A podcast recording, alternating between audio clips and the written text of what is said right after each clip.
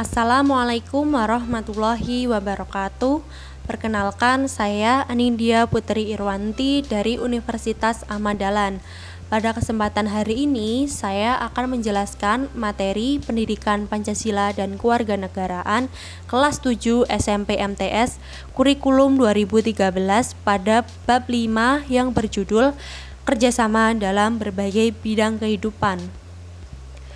Pokok bahasan dalam bab ini meliputi yang pertama kerjasama dalam berbagai bidang kehidupan, yang kedua arti penting kerjasama dalam berbagai bidang kehidupan, yang ketiga mewujudkan kerjasama dalam berbagai lingkungan kehidupan. Pokok bahasan yang pertama yaitu kerjasama dalam berbagai bidang kehidupan. Makna kerjasama Terbentuknya Negara Kesatuan Republik Indonesia diawali dengan kesadaran nasional akan persatuan dan kesatuan bangsa. Persatuan dan kesatuan terwujud karena adanya kerjasama sesama masyarakat Indonesia untuk mengusir penjajah. Kesadaran akan satu kesatuan berawal dari persamaan senasib dan sepenanggungan sebagai bangsa yang terjajah. Hal ini mendorong rakyat di berbagai daerah untuk melakukan kerjasama melawan bangsa penjajah. Oleh karena itu, semangat kerjasama para pejuang bangsa merebut dan mempertahankan kemerdekaan harus mendorong setiap warga negara untuk mengisi kemerdekaan dengan melakukan kerjasama dalam berbagai bidang kehidupan untuk melaksanakan pembangunan nasional. Nah, Pengertian dari kerjasama sendiri merupakan kegiatan atau usaha yang dilakukan dua orang atau lebih untuk mencapai tujuan bersama. Semangat kerjasama dalam kehidupan di masyarakat terwujud dalam kegiatan gotong royong yang sesuai dengan kehidupan budaya daerah. Sebagai contoh adalah kegiatan gotong royong yang dilandasi semangat kerjasama di daerah Sumatera Barat yang bernama Manunggal Sakato. Lalu ada Sikaroban di daerah Palembang, Gugur Gunung di daerah Jawa, Mapalus di Minahasa, dan Subak di daerah Bali. Hal ini menunjukkan tempat bergeraknya potensi masyarakat dalam berbagai bidang kehidupan dengan semangat kerjasama yang tersimpul dari kegiatan gotong royong.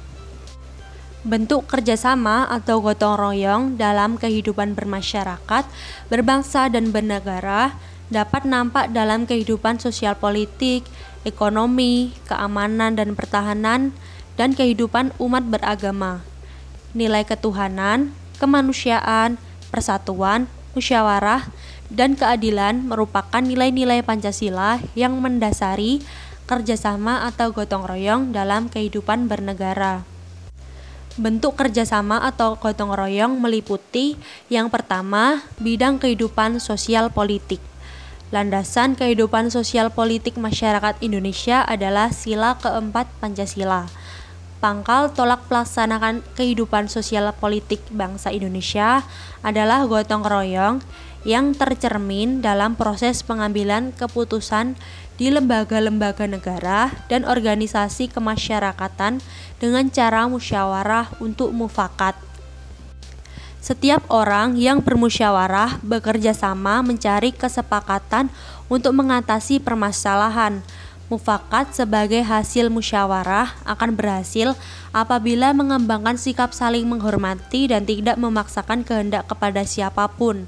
Melalui musyawarah, Keputusan yang dihasilkan merupakan keputusan bersama, sehingga semua pihak ikut bertanggung jawab melaksanakan keputusan tersebut. Yang kedua, bidang kehidupan ekonomi. Dalam kehidupan ekonomi, kerjasama digambarkan dalam pasal 23A Undang-Undang Negara Republik Indonesia tahun 1945 dan pasal 33 ayat 1 Undang-Undang Negara Republik Indonesia tahun 1945. Wujud badan usaha yang diharapkan dalam pasal ini adalah koperasi. Sebagai badan usaha, koperasi beranggotakan orang-orang dan badan hukum dengan berlandaskan prinsip kerjasama dan kekeluargaan. Gotong royong dan kekeluargaan merupakan salah satu asas koperasi. Asas kekeluargaan mencerminkan adanya kesadaran manusia untuk melakukan kegiatan koperasi oleh, dari, dan untuk semua anggota di bawah kepengurusan koperasi. Kekeluargaan didasarkan rasa kekeluargaan, seperti rasa saling menyayangi yang tinggi dan bertanggung jawab dalam mempertahankan nilai-nilai keluarga. Sikap kekeluargaan dalam masyarakat Indonesia bukan hanya didasari oleh ikatan darah. Sikap kekeluargaan sudah berada dalam masyarakat Indonesia sejak dahulu. Istilah torang basudara di masyarakat Manado, sembolan silih, asih, asah, dan asuh dalam masyarakat Jawa Barat merupakan contoh nilai kekeluargaan yang dipelihara dalam masyarakat. Adanya nilai-nilai tersebut menimbulkan keakraban dan rasa dekat seperti laiknya keluarga dalam masyarakat. Yang ketiga yaitu bidang pertahanan dan keamanan negara. Diatur di dalam pasal 30 ayat 1 Undang-Undang Dasar Negara Republik Indonesia dan pasal 27 ayat 3 Undang-Undang Negara Republik Indonesia tahun 1945 bahwa setiap warga negara harus melakukan kerjasama untuk mewujudkan keamanan dan pertahanan negara. Kerjasama warga negara untuk mewujudkan pertahanan dan keamanan negara merupakan contoh dari sikap bela negara. Bela negara merupakan sikap mental yang dimiliki seseorang atau sekelompok orang untuk ikut serta dalam usaha melindungi dan mempertahankan keberadaan bangsa dan negara. Bagi bangsa Indonesia, bela negara adalah hak dan kehormatan sebagai warga negara sekaligus merupakan kewajiban hukum yang harus dijalankan oleh setiap warga negara. Kesadaran bela negara harus ditanamkan kepada seluruh warga negara untuk membangun daya tangkal bangsa dalam menghadapi ancaman yang ingin mengganggu kedaulatan negara, keutuhan wilayah, dan keselamatan bangsa. Yang keempat, kerjasama antar umat beragama diatur di dalam pasal 29 ayat 2 Undang-Undang Negara Republik Indonesia tahun 1945. Ketentuan dalam pasal tersebut mengandung pengertian adanya jaminan negara atas hak kebebasan penduduk untuk memeluk agama dan beribadah menurut agama yang dianutnya. Kerjasama antar umat beragama dalam berbagai bidang kehidupan dilakukan untuk mewujudkan kerukunan hidup. Meskipun demikian, kerjasama antar umat beragama bukan dalam hal keyakinan agama, Hal ini lebih pada upaya menciptakan kerukunan hidup antar pemeluk agama dengan mengembangkan sikap saling hormat, menghormati, dan toleransi. Kerjasama antar umat beragama ditandai dengan sikap-sikap sebagai berikut, yaitu yang pertama saling menghormati umat seagama dan berbeda agama. Yang kedua, saling menghormati lembaga keagamaan yang seagama dan berbeda berbeda agama. Yang ketiga, sikap saling menghormati hak dan kewajiban umat beragama. Dengan demikian, ketentuan di dalam pasal tersebut mengandung pengertian adanya jaminan negara atas hak kebebasan penduduk untuk memeluk agama dan beribadah menurut agama yang dianutnya. Nah, dalam mengembangkan sikap kerjasama di berbagai bidang kehidupan masyarakat, setiap warga negara harus menghindari sikap tidak terpuji, seperti yang pertama, sikap fanatik sempit, yaitu sikap yang merasa diri sendiri paling benar. Lalu, yang kedua, sikap individualis, yaitu sifat yang lebih mendahulukan kepentingan sendiri. Yang ketiga, sikap eksklusivisme, yaitu sikap selalu memisahkan diri dari kehidupan sosial di masyarakat karena adanya jurang pemisah akibat perbedaan suku agama, adat istiadat, agama, dan bangsa daerah. Lalu yang keempat, sikap primordialisme, yaitu perasaan kesukuan yang berlebihan. Kerjasama dalam kehidupan bermasyarakat, berbangsa, dan bernegara akan terwujud apabila setiap anggota masyarakat dapat mengembangkan sikap saling menghormati, saling menghargai antar suku, agama, ras, dan antar golongan. Selanjutnya, pokok bahasan yang kedua yaitu arti penting kerjasama dalam berbagai bidang kehidupan. Kerjasama dalam berbagai bidang kehidupan yang dimiliki bangsa Indonesia merupakan kekuatan untuk mencapai tujuan nasional. Hal tersebut sesuai dengan semboyan negara kita yaitu Bhinneka Tunggal Ika. Sebagai negara Indonesia, setiap warga negara harus memahami makna yang terkandung dalam semboyan Bhinneka Tunggal Ika. Oleh karena itu, masyarakat Indonesia harus membiasakan diri melakukan kerjasama dalam berbagai bidang kehidupan di masyarakat tanpa membeda-bedakan suku, agama, adat istiadat, dan bahasa daerah. Dalam kehidupan masyarakat, semangat persatuan dan kesatuan sangat diperlukan. Kerjasama dalam berbagai bidang kehidupan di masyarakat akan melahirkan kehidupan masyarakat yang bersatu dalam kerukunan dan keharmonisan bersama. Meskipun masyarakat terdiri dari orang-orang yang beragam, dalam masyarakat kita menjadi bagian keluarga besar yang memiliki semangat persaudaraan dan kebersamaan dalam kehidupan bermasyarakat. Selain memperkokoh persatuan dan kesatuan bangsa, arti penting kerjasama dalam berbagai bidang kehidupan di negara Indonesia bagi diri sendiri, masyarakat, bangsa, dan negara di antaranya yaitu yang pertama, memperkuat persatuan dan kesatuan bangsa. Yang kedua, mempererat persaudaraan dan kebersamaan. Yang ketiga, mendorong timbulnya semangat gotong royong dan kekeluargaan. Yang keempat, menjadikan pekerjaan yang berat menjadi ringan dan cepat diselesaikan. Yang kelima, meningkatkan efektivitas dan efisiensi dalam bekerja. Selanjutnya, pokok bahasan yang ketiga yaitu mewujudkan kerjasama dalam berbagai lingkungan kehidupan. Kerjasama telah menjadi akar budaya bangsa Indonesia. Secara turun-temurun, kerjasama dalam berbagai lingkungan kehidupan telah dilakukan oleh masyarakat Hal ini didorong oleh kodrat manusia itu sendiri sebagai makhluk sosial yang pada dasarnya dalam memenuhi kebutuhan hidupnya selalu membutuhkan bantuan dari orang lain. Salah satu nilai gotong royong dalam bangsa Indonesia itu adalah gotong royong. Nah, sebagai sifat bangsa Indonesia, gotong royong telah tumbuh dan hidup bersama dalam bangsa Indonesia. Gotong royong yang di dalamnya terdapat unsur kerjasama dapat dilaksanakan dalam berbagai lingkungan kehidupan yaitu yang pertama kehidupan sekolah, yang kedua kehidupan masyarakat, dan yang ketiga adalah kehidupan berbangsa dan bernegara. Yang pertama kerjasama dalam lingkungan sekolah. Masyarakat dalam kehidupannya selalu bekerja sama dengan orang lain. Disadari atau tidak hidup manusia akan berjalan apabila ada kerjasama satu sama lain. Sekolah merupakan lembaga pendidikan yang dibentuk dan berjalan karena adanya kerjasama semua pihak.